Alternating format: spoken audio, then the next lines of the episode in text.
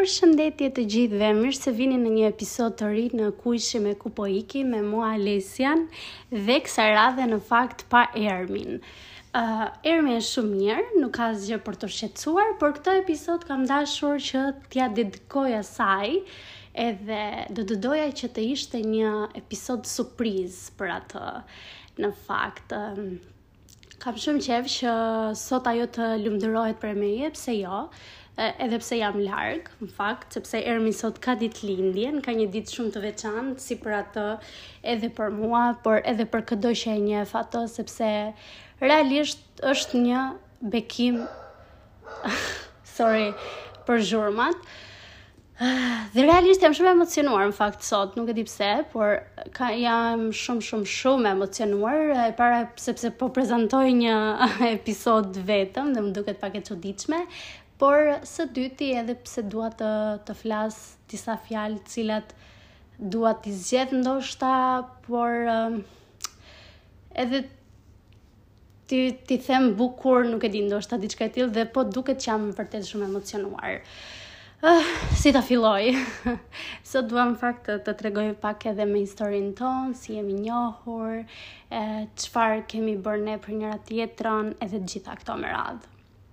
ne jemi njohur në mos të gaboj në muajin maj. Nuk e kam shumë të fiksuar, por po, në muajin maj ose qershor ndoshta diçka e tillë të vitit 2014, pra i bie plot 8 vite nga nga sot. Ehm, um, jemi njohur rastësisht në fakt në një mënyrë shoqërore nga shokë të përbashkët që na kanë takuar. Dhe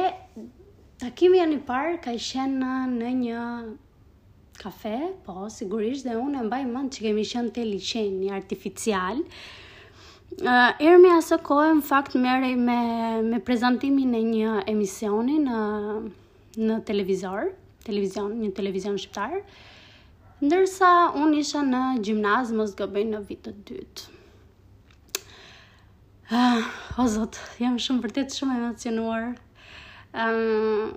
dhe në fakt kur dita e parë ka qenë vërtet shumë keq për mua, sepse kam menduar që okay, ne kishim folur nëpër rrjete sociale, por prap se prap, ok, ishte një vajzë shumë um, ekspresive, shumë e sjellshme, të bënte për vete shumë e dashur. dhe flisnim shumë shpesh, por gjithsesi nuk është se kishim ishim takuar më përpara edhe kjo ditë kur ne u takuam, për mua ishte në fakt pak e vështirë, sepse duke qenë që unë kam qenë një natyrë shumë e qetë dhe shumë e turpshme, mund të them, në fillimet e mia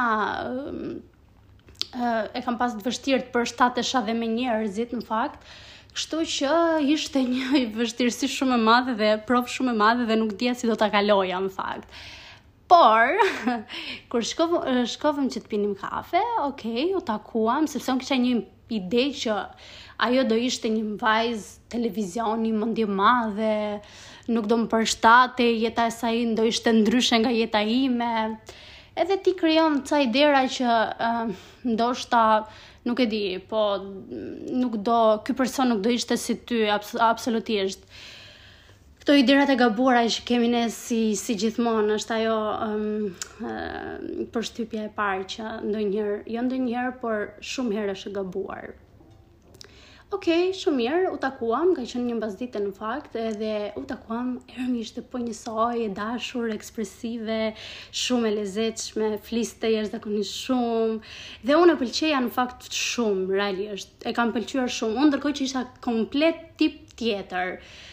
Tip që nuk fliste, shumë e qetë, më shumë dëgjonte, më shumë rrinte, ok, mund të qeshte, domethënë në çdo gjë mund të qeshte, sepse isha në, në të vërtetë në një siklet shumë të fuqishëm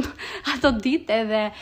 Nuk e di, nuk e di, po ka qenë një, një emocion shumë i madh, edhe ia, ia kemi thënë njëra tjetrës pas shumë kohësh në fakt që Ajo mendonte që unë mund të kem menduar që ua, kjo është një vajzë mendjemadhe, flet shumë pas takimit të parë, ndërkohë që unë nuk e mendova këtë, mendova të të kundërtën, që ishte një vajzë po ashtu siç unë e kisha njohur në Insta në Facebook aq në atë periudhë. Okej, okay, uh, pas takimit të uh, parë u takuam dhe një herë, në fakt mbaj mend që jemi takuar në një kafe te La Volja, përballë Tajvanit, edhe aty ka qenë kafja jonë e dytë në fakt, shumë e lezetshme. Aty unë kam folur jashtëzakonisht shumë me Ermin. Kemi ndarë të gjitha muhabetet që mund të kish, nuk e di, por mendoj që kimia që patëm na drejtoi vetë në rrugë të përbashkët,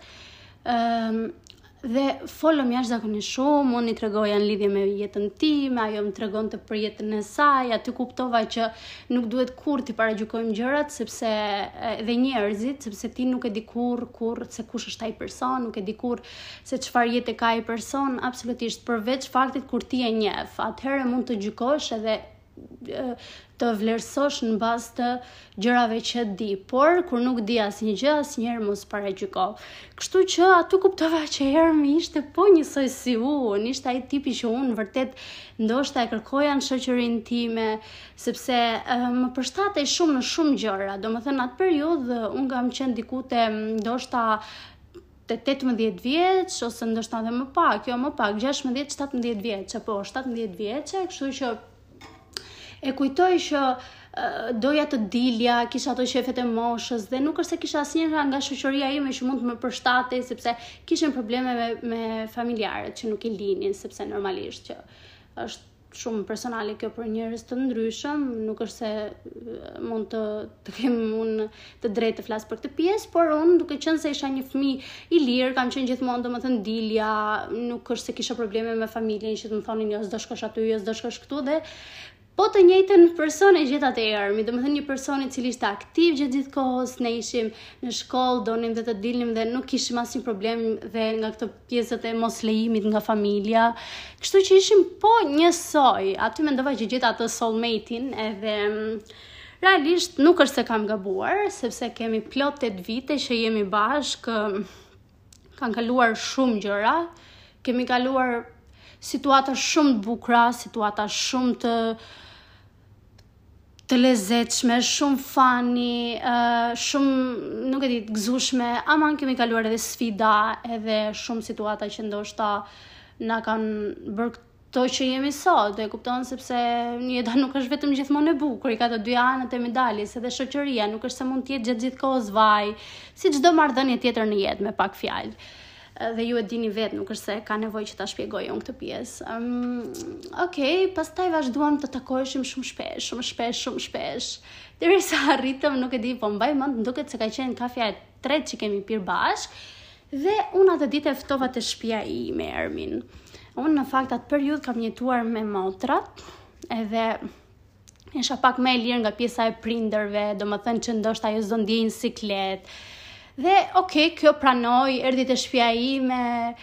of, motrat e mia e mikpritën shumë mirë, gjithashtu dhe ajo një tip shumë i afrueshëm, shumë e, i muhabetit, do thoja unë, edhe u përshtat jashtëzakonisht shumë shpejt, u kënaq, domethënë u kënaqëm të dyja palët, edhe motrat e vlerësuan jashtëzakonisht shumë, u ndjenë shumë të kënaqura për shoqen e re që un po po bëja. E nuk e di, ka qenë si një, nuk e di, diçka që un e kërkoja, edhe realisht kur ti kërkon gjërat, Zoti t'i sjell herët ose vonë. Shumë mirë, çdo gjë shkonte shumë shumë mirë derisa në një moment patëm një krizë në fakt në një periudhë pak më vonë, se ndoshta nuk jam shumë mirë me me periudhat, ndoshta e them për një periudhë më të vonshme ose për një periudhë më të hershme, por e kujtoj një periudhë që ne jemi zënë, ka qenë fiks në gjimnaz prap, mos gaboj ka qenë vit viti i 3 që Në fakt nuk po takoheshim shumë, sepse duke qenë që unë kisha dhe gocat e mia që kishim shoqet e gjimnazit, dilja me to gjatë gjithë kohës, ato periudhën e vitit tret që ti je gjatë gjithë kohës duke dalë, ke parasysh edhe duke qejfi i madh për të lënë orët e mësimit, edhe gjëra të tilla. Dhe në fakt me Ermin nuk është se po gjenim kohën për t'u takuar, nuk e di se kush nuk po gjente kohën, por në fakt ishim në një periudhë që Shoqëria jonë pati një krizë të vogël që nuk po takohej dhe mbaj mend që Ermi ishte mërzitur. Ermi ka qenë një tip, ka qenë, po ka qenë do thoja, sepse nuk është më. Një tip që i vrente shumë gjërat edhe i merrte shumë personale, domethënë në momentin që ti nuk um, nuk e di, nuk i kushtoje rëndësi ose vëmendje, mund të them se rëndësi absolutisht që i kushtoja, po vëmendje, ajo ndihej e veçuar, ndihej sikur e kishe lënë mënjanë, Edhe thoshte gjatë gjithë, edhe më mbaj mend që bënim ato romanet e mëdha, ja unë nuk i kam në fakt tani, por realisht do doja shumë t'i kisha aty se nuk e di çfarë emocioni mund të më sillnin. Por e kujtoj që më ka shkruar që unë nuk dua të kem një shoqëri. Do më disa fraza mesazhe, mesazhe kanë qenë këto që unë nuk dua të kem një shoqëri WhatsAppi, unë dua të takohem, të të tregoj gjërat e mia, ti nuk po di asgjë më për mua, ndihem jo e zhgënjyer, por ndihem e mërzitur me këtë veprimin tënd që nuk po gjen kohë për të më takuar. E kështu të tilla, ndoshta në këtë rast mund ta kem pasur unë fajin me shumë mundësi, ë përderisa ajo është ndier e e mënjanuar, ndoshta e indif e indiferente, domethënë patjetër që mund ta kem pasur unë fajin, por dhe unë nuk është se kam bërë me, me vetëdije ose me, me dashje, sigurisht. Dhe okej, okay, zgjolla i thash, të lutem i thash dua të takohem, sepse unë kam pas natyren që nuk jam një njeri që mund t'i pres gjërat me thikë, domethënë, gjithmonë preferoj të flas, të komunikoj, t'i zgjidh muhabete duke komunikuar, sepse në, në një diskutime, si për ti mund të mërzitesh, mund të flasësh diçka që dikujt s'i pëlqen, dikujt dikë e lëndon nga fjalët, kështu që preferoj më tepër dhe jam një njeri që jam uh, goxha i qetë në fakt, tolerant, do thoja, tolerant. Edhe sikur, domethënë kam këtë pjesën e 5 minutit, mund të them çdo gjë, por pastaj flas dhe jam shumë kështu tolerante, mundohem të të të të shkruaj, të të them, të të pyes, interesohem për ty me pak fjalë. Kur uh, kam gabimet e mia sigurisht. Dhe i shkruaj Ermit i thashë, "Të lutem, dua të takohemi." I thashë, "Të pimë kafe bashkë edhe të flasim." Okej, okay, okej. Okay. Edhe i thashë, "Nuk e mbaj mend në fakt, po mbaj mend që kisha shkuar uh, në një Kisha shkuar në TEG në aso kohe dhe kisha blerë një dhuratë të vogël, më duket se kanë qenë dy gota të vogla me I love you e diçka kështu. Edhe i thashë, nuk e di, po i shkruajta më duket të kam sjellë diçka, sa nuk e di, diçka kështu, s'e kujtoj dot. Edhe okay, takohemi e, në Bllok ka qenë ai takimi, mbaj mend si sot. o zot. Dhe Jemi takuar, ok, shumë mirë, i kemi dhënë ato, ato dhuratën i kam dhënë, po ka qenë më duket se Krishtlindje, i kam dhënë dhuratën dhe ajo më ka dhënë mua një dhuratë, unë e kam akoma atë, është një filxhan me një arush, domethënë të dyja kemi pasur atë, um, ndjesinë e njëjtë që të dyja kemi blerë filxhan. Unë i bleva dy minimalista të vegjël, ajo më bleu një filxhan të madh me një arush. o zoti i madh. Edhe realisht më vjen të qaj tani kur i kujtoj. Um, Kështu që më rrallë, në fakt mund t'i numëroj me gishta situatat e vështira ku ne keni, kemi kaluar me njëra-tjetrën, me të thënë të drejtën, sepse kanë qenë shumë pak. Mund të numëroj Domethënë nuk mund të numëroj situatat e bukura dhe o Zot faleminderit për këtë fakt sepse është shumë e rëndësishme, por situatat e vështira mund t'i numëroj me gishta sepse kemi pas vërtet shumë pak grindje ose krisje. Domethënë ne kemi gjithë gjithë kohës mosmarrëveshje, duke qenë dy tipa shumë të kundërt me me shije të ndryshme, me preferenca të ndryshme, me mendime të kundërta, por Prapë se prapë, këto nuk mund të quhen zënka, domethënë për të prishur një marrëdhënie apo një lidhje që ti ke, por janë zënka dhe debate të momentit që gjithkush kundërshton dhe gjithkush ka opinionin e vet, absolutisht është është shumë e pranueshme kjo, por momente të vështira në fakt kemi pasur shumë pak që kemi kaluar mm, nuk e di, shumë shumë pak. Domethënë, zënka e parë që mbaj mend ka qenë kjo periudha që në gjimnaz, e që prej atëherë, në fakt, për një kohë shumë të gjatë nuk ka ndodhur që të jemi, të jemi zënë, të jemi grindur, që mos të flisnim. Um, derisa, po, më duket se ka qenë në fakt edhe një periudhë tjetër, po jo që nuk flisnim. nuk e di, një periudhë tjetër e vështirë në fakt që kemi kaluar. Jo, nuk nuk kujtoj. Sorry për këtë, nuk kujtoj. Për, ka, kemi pasur debate patjetër, por gjithmonë uh, unë kam qenë dhe ia thoja shumë shpesh në fakt se madje madje unë në fillim e kam pasur edhe pak frikë dhe nuk e di s'ia kam thënë ndonjëherë këtë dhe ajo do ta dëgjojë këtu live ekskluzivisht nga ku ishim e ku po ikim. Madje ka qenë një periudhë që unë vërtet e kisha frikë sepse mendoja që ajo mund të mund ta prish mund ta ndalonte shoqërinë tonë. E kupton duke qenë se unë mund të bëja diçka që ta zemëroja, ta mërzisja dhe Ermi nuk ishte nuk ishte një person shumë tolerant. Ke parasysh në momentin që ajo mërzitej për diçka ose cenohej diku, ajo mund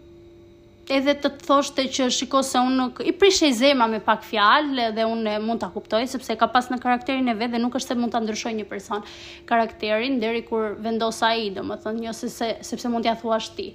një pjesë të tij, domethënë. Kështu që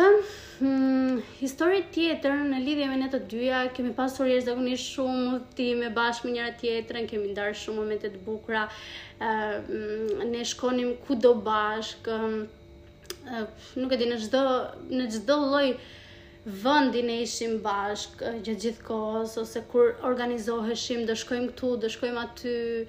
dilnim çdo fundjavë, nuk e di, kënaqeshim pa fund, pa fund, pa fund, argëtoheshim shumë, kujtoj që vinim orëve të natës në shtëpi. O, oh, zot, i kujtoj me shumë mall në fakt edhe Këto pastaj ndaluan së ndodhuri më derisa Ermi iku në Gjermani. Uh, mbaj mend që mm, lajmin për t'ikur Ermi në Gjermani e kam marrë vesh në periudhën që ka qenë fiks uh, në vit parë në universitet, po viti i parë në universitet dhe kemi qenë rrugës për të ikur për në kishë të Laçit. Uh, dhe Ermi Nuk e di, po fliste me dikë në fakt edhe më tha një person, personi që ne ishim aty, tha, ai ma tregoi lajmin, ishte, është, ish i dashuri i Ermit, Alisa e merr vesh që Ermi do na ikë dhe unë isha këtu. What? Se nuk dija asgjë. Nga njëra anë, ok, u mërzita pak, domethënë, u mërzita për faktin që ajo nuk më kishte treguar, për këtë historinë e saj e të ikurit jashtë, pavarësisht se unë dija, por nuk dija, domethënë dija që donte të ikte, por nuk dija që diçka e vërtet dhe reale po ndodhte. Dhe gjithashtu u lumturova shumë sepse në fund të fundit ka qenë ëndrra e saj. Ne, unë e kujtoj që gjithmonë thonim wow, sikur të shkoj një ditë këtu ose sikur të shkoj një ditë në Berlin dhe thurnim ëndrra sepse në fakt nuk i kemi pas mundësitë ekonomike, duke qenë se ishim të vogla, nuk mund t'i kërkonim prindërve lek për të udhëtuar, sepse ata nuk është se kanë qenë në kushte të favorshme për të na mbështetur neve për të shkuar të udhëtuar. E kupton, kështu që ishte shumë e vështirë dhe shumë, shumë e pamundur për neve realisht. Ëm um, Por i kishim ca ëndrra që ok, nuk e dinim nëse do realizoheshin ndonjëherë apo do mbeteshin thjesht aty në sërtar, por ja që ëndrra e Ermit u realizua, realisht edhe kjo është destinim dhe unë e them gjithmonë që gjërat që ti do me shpirt dhe gjërat që ti mm, i kërkon Zotit, ty të vijnë realisht, të vijnë edhe është destinim, domethënë ajo është për ty. Edhe kur një gjë, domethënë nuk të ndodh, sado që ti përpiqesh ta bësh, prap mos mos u mos u mos u tut, mos u frikso, por mundohu ta ta kërkosh përsëri, të gjesh disa mënyra, sepse ti kurrë nuk e di. kurrë nuk e di derisa ajo ndodh realisht. Dhe kështu i ndodhi dhe Ermit, realisht ishte, thashë, ishte një lajm shumë i bukur për mua edhe u kënaqa shumë pasi asaj iu plotësua një ëndërr e saja. Dhe këtu thashë që, ok, erdhi momenti që përcollëm Ermin, unë nuk jam mërzitur, në sensi që nuk kam qarë, nuk kam bërë atë pjesën e... e asaj shoqes së mërzitur domethënë, por gjithmonë kam dashur që ta shoh atë më mirë realisht sepse e ka merituar çdo gjë, duke qenë se ka qenë një studente shumë e mirë, e shkëlqyer përveç faktit që është një vajzë shumë e shkëlqyer dhe unë jam shumë me fat që e kam. Um, dhe ok, e nisa, kam qenë unë dhe ishi i dashuri i vet, e nisëm në aeroport, ok, u knaqëm, e përqafuam, ajo u mërzit sigurisht, sepse ne në fund fundit do ktheheshim prap në vendin tonë, ndërsa ajo do, isht, do ikte diku ku ndoshta nuk do funksiononte, ndoshta nuk e di, nuk do gjente atë çfarë ajo mendonte, Dhe në fakt nuk është se në fillimet e saj kanë qenë shumë të vështira në Gjermani, ka qenë shumë e mërzitur, uh, tregon që për dy javë në fakt kur ne kemi diskutuar ajo nuk dilte dhe unë nuk nuk mund ta imagjinoj dot në fakt sepse ka qenë vërtet shumë shumë e vështirë. Domethënë në një moment kur ne ishim këtu ose unë isha këtu duke dalë dhe duke u argëtuar me familjen time, me miqtë e mi, Ajo ishte atje vetëm uh, duke uh, u munduar për të dalë nga ajo nga ajo uh, shtëpia e saj, nga ai momenti shumë i vështirë që ka pa, kaluar sepse normalisht nuk është e lehtë absolutisht që të shkosh në një vend të ri dhe ti të përshtatesh. Është është shumë e vështirë të adoptohesh me frymën e një ë një kulture të re realisht, sepse sado sado ne me Gjermaninë jemi shumë ndryshe, domethënë duke marrë parasysh që ne jemi njerëz të ngrohtë, jemi domethënë pavarësisht çdo gjëje ne të ofrojmë atë mm, rehatinë, jo se ajo nuk e kishte rehatinë në shtëpinë ku jetonte, sepse e kishte, por prap se prap nuk mund të nuk mund të ishte njësoj, domethënë nuk mund të krijonte shoqëri, mm, fakti që nuk dinte gjuhën, nuk e penalizonte goxha, domethënë, sepse nuk i jepte mundësi për të takuar njerëz të rinj. Dhe ka qenë shumë e vështirë, më thotë që për dy javë nuk kam dalë dhe e kujtoj që më merrte në telefon edhe mërzitej, nuk e di pse erdha këtu,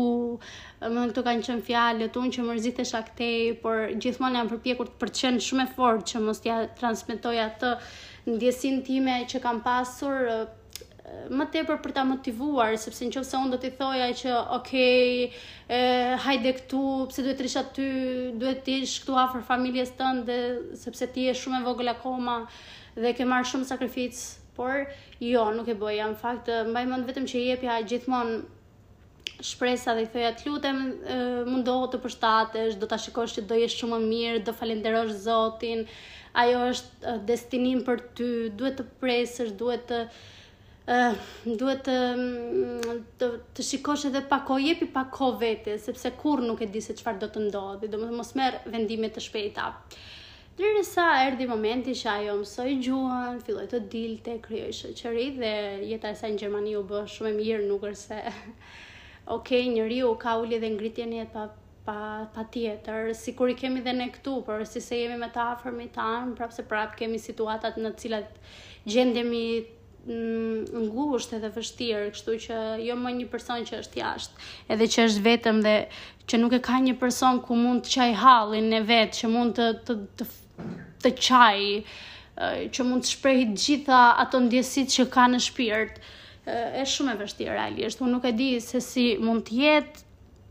sepse gjithmonë falënderoj Zotit kam pasur kam qenë pranë njerëzve të mi edhe nuk nuk është se kam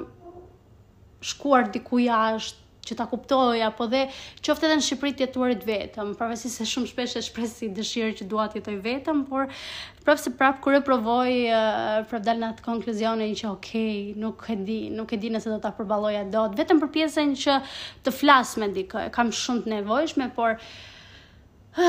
Nuk e di, Ermi ka qenë shumë e fortë realisht, e ka përballuar shumë mirë, madje mm, vitin e parë mos gaboj, po Ermi më ka thënë që në mars më ka ftuar që të shkoj aty. Në mars familjarët e mi ikin diku me pushime dhe jam vetëm, kështu që nëse ke dëshirë mund të vish, të rrish këtu, edhe udhëton në Gjermani, edhe, domethënë, edhe për turizëm, edhe për të më takuar dhe unë, direkt sa ma shkruajti mbaj mend që kam qenë në shkollë realisht dhe sa ma shkruajti unë isha shumë emocionuar domethënë edhe i shkruaj motrës time që Të lutem, i thashë Lela, më ka thënë Ermi për të shkuar në mars, a mundem të shkoj, sepse normalisht nuk kisha një punë timen edhe thashë pjesën e shpenzimeve e kisha shumë të vështirë, Dhe motra ime në fakt direkt nuk nuk nuk më tha jo, por tha sigurisht që do shkosh, tha shofim për bilete kështu të gjitha.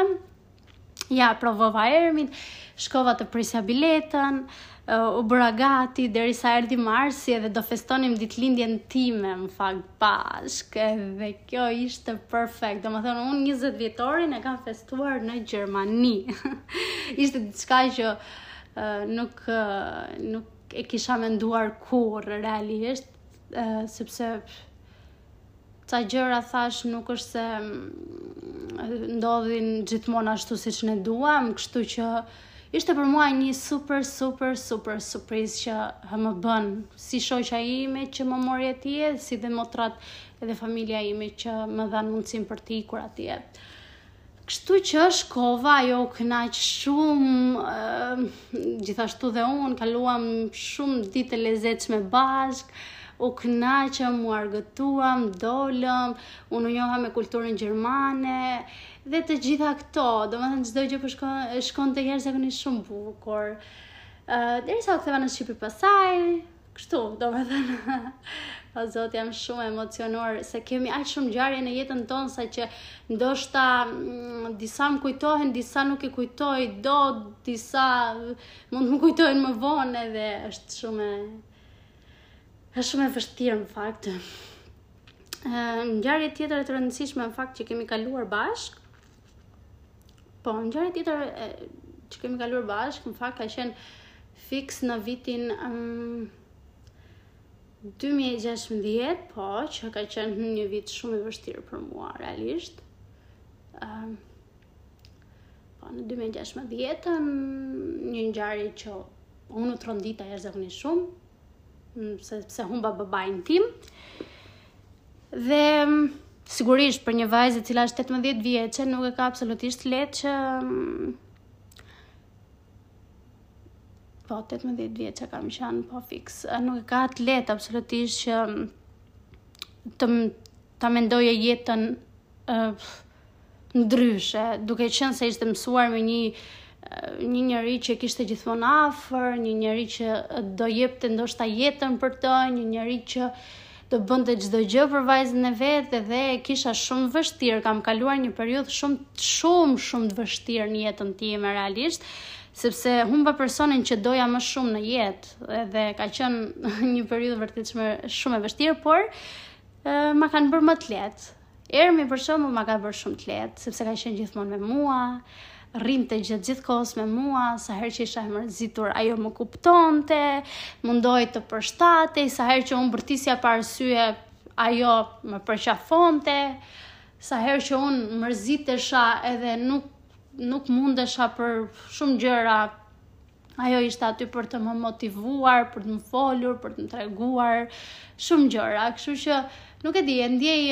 e kam ndier gjithmonë, gjithmonë, gjithmonë afër, gjithmonë ka qenë ajo motra ime i them unë, sepse sigurisht unë kam tre motra, po ajo ka qenë gjithmonë ajo e katërta dhe unë gjithmonë në jetën time them që kam ne jemi pesë motra, unë kam edhe katër motra të tjera.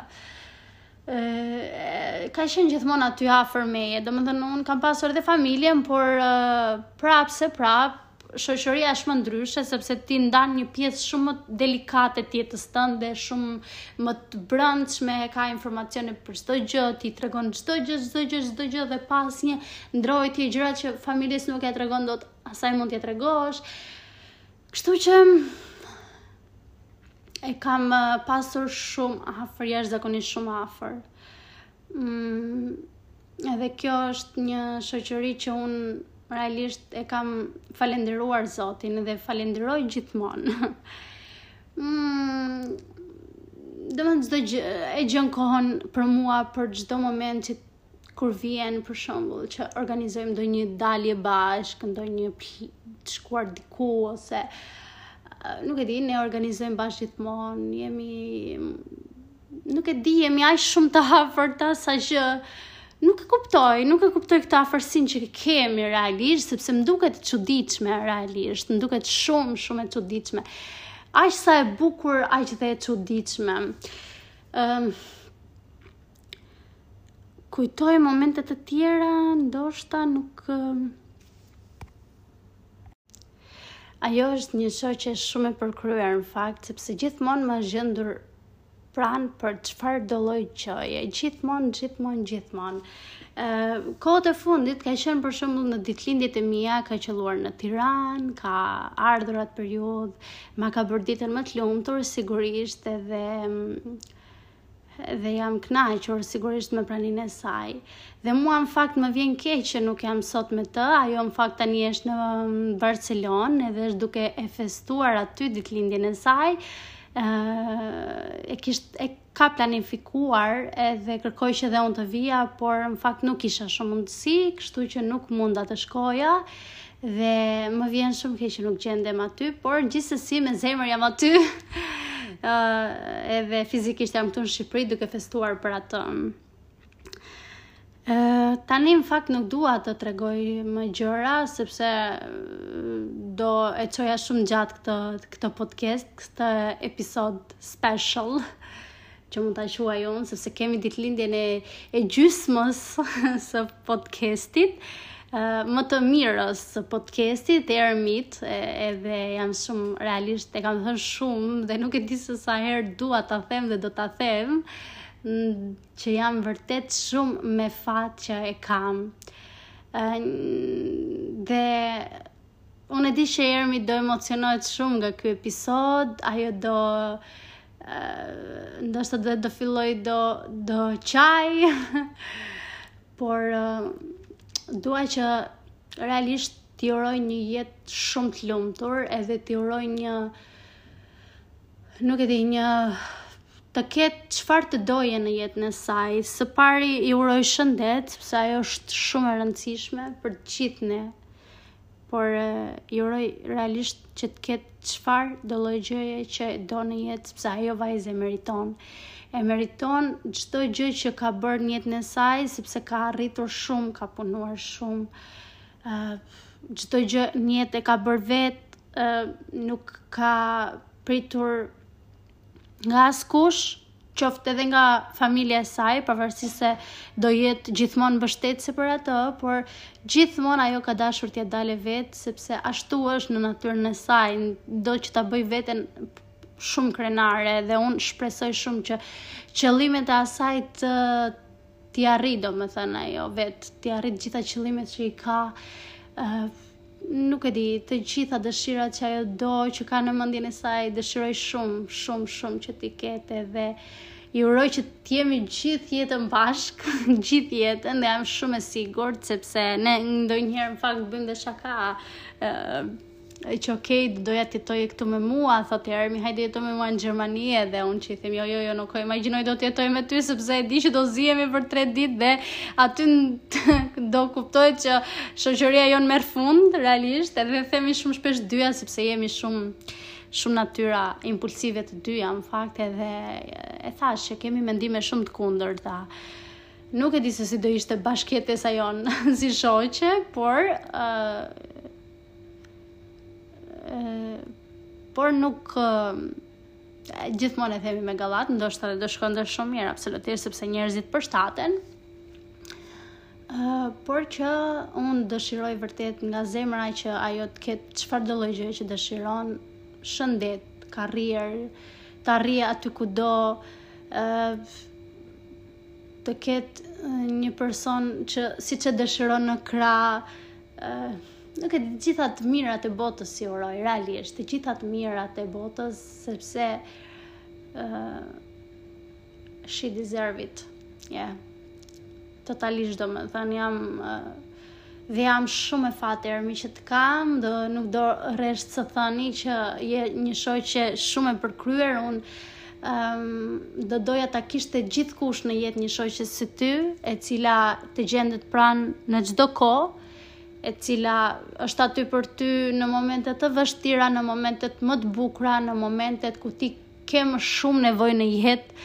për të folur, për të ndarë problemet e tua, për të ndarë të gjitha lumturitë e tua, edhe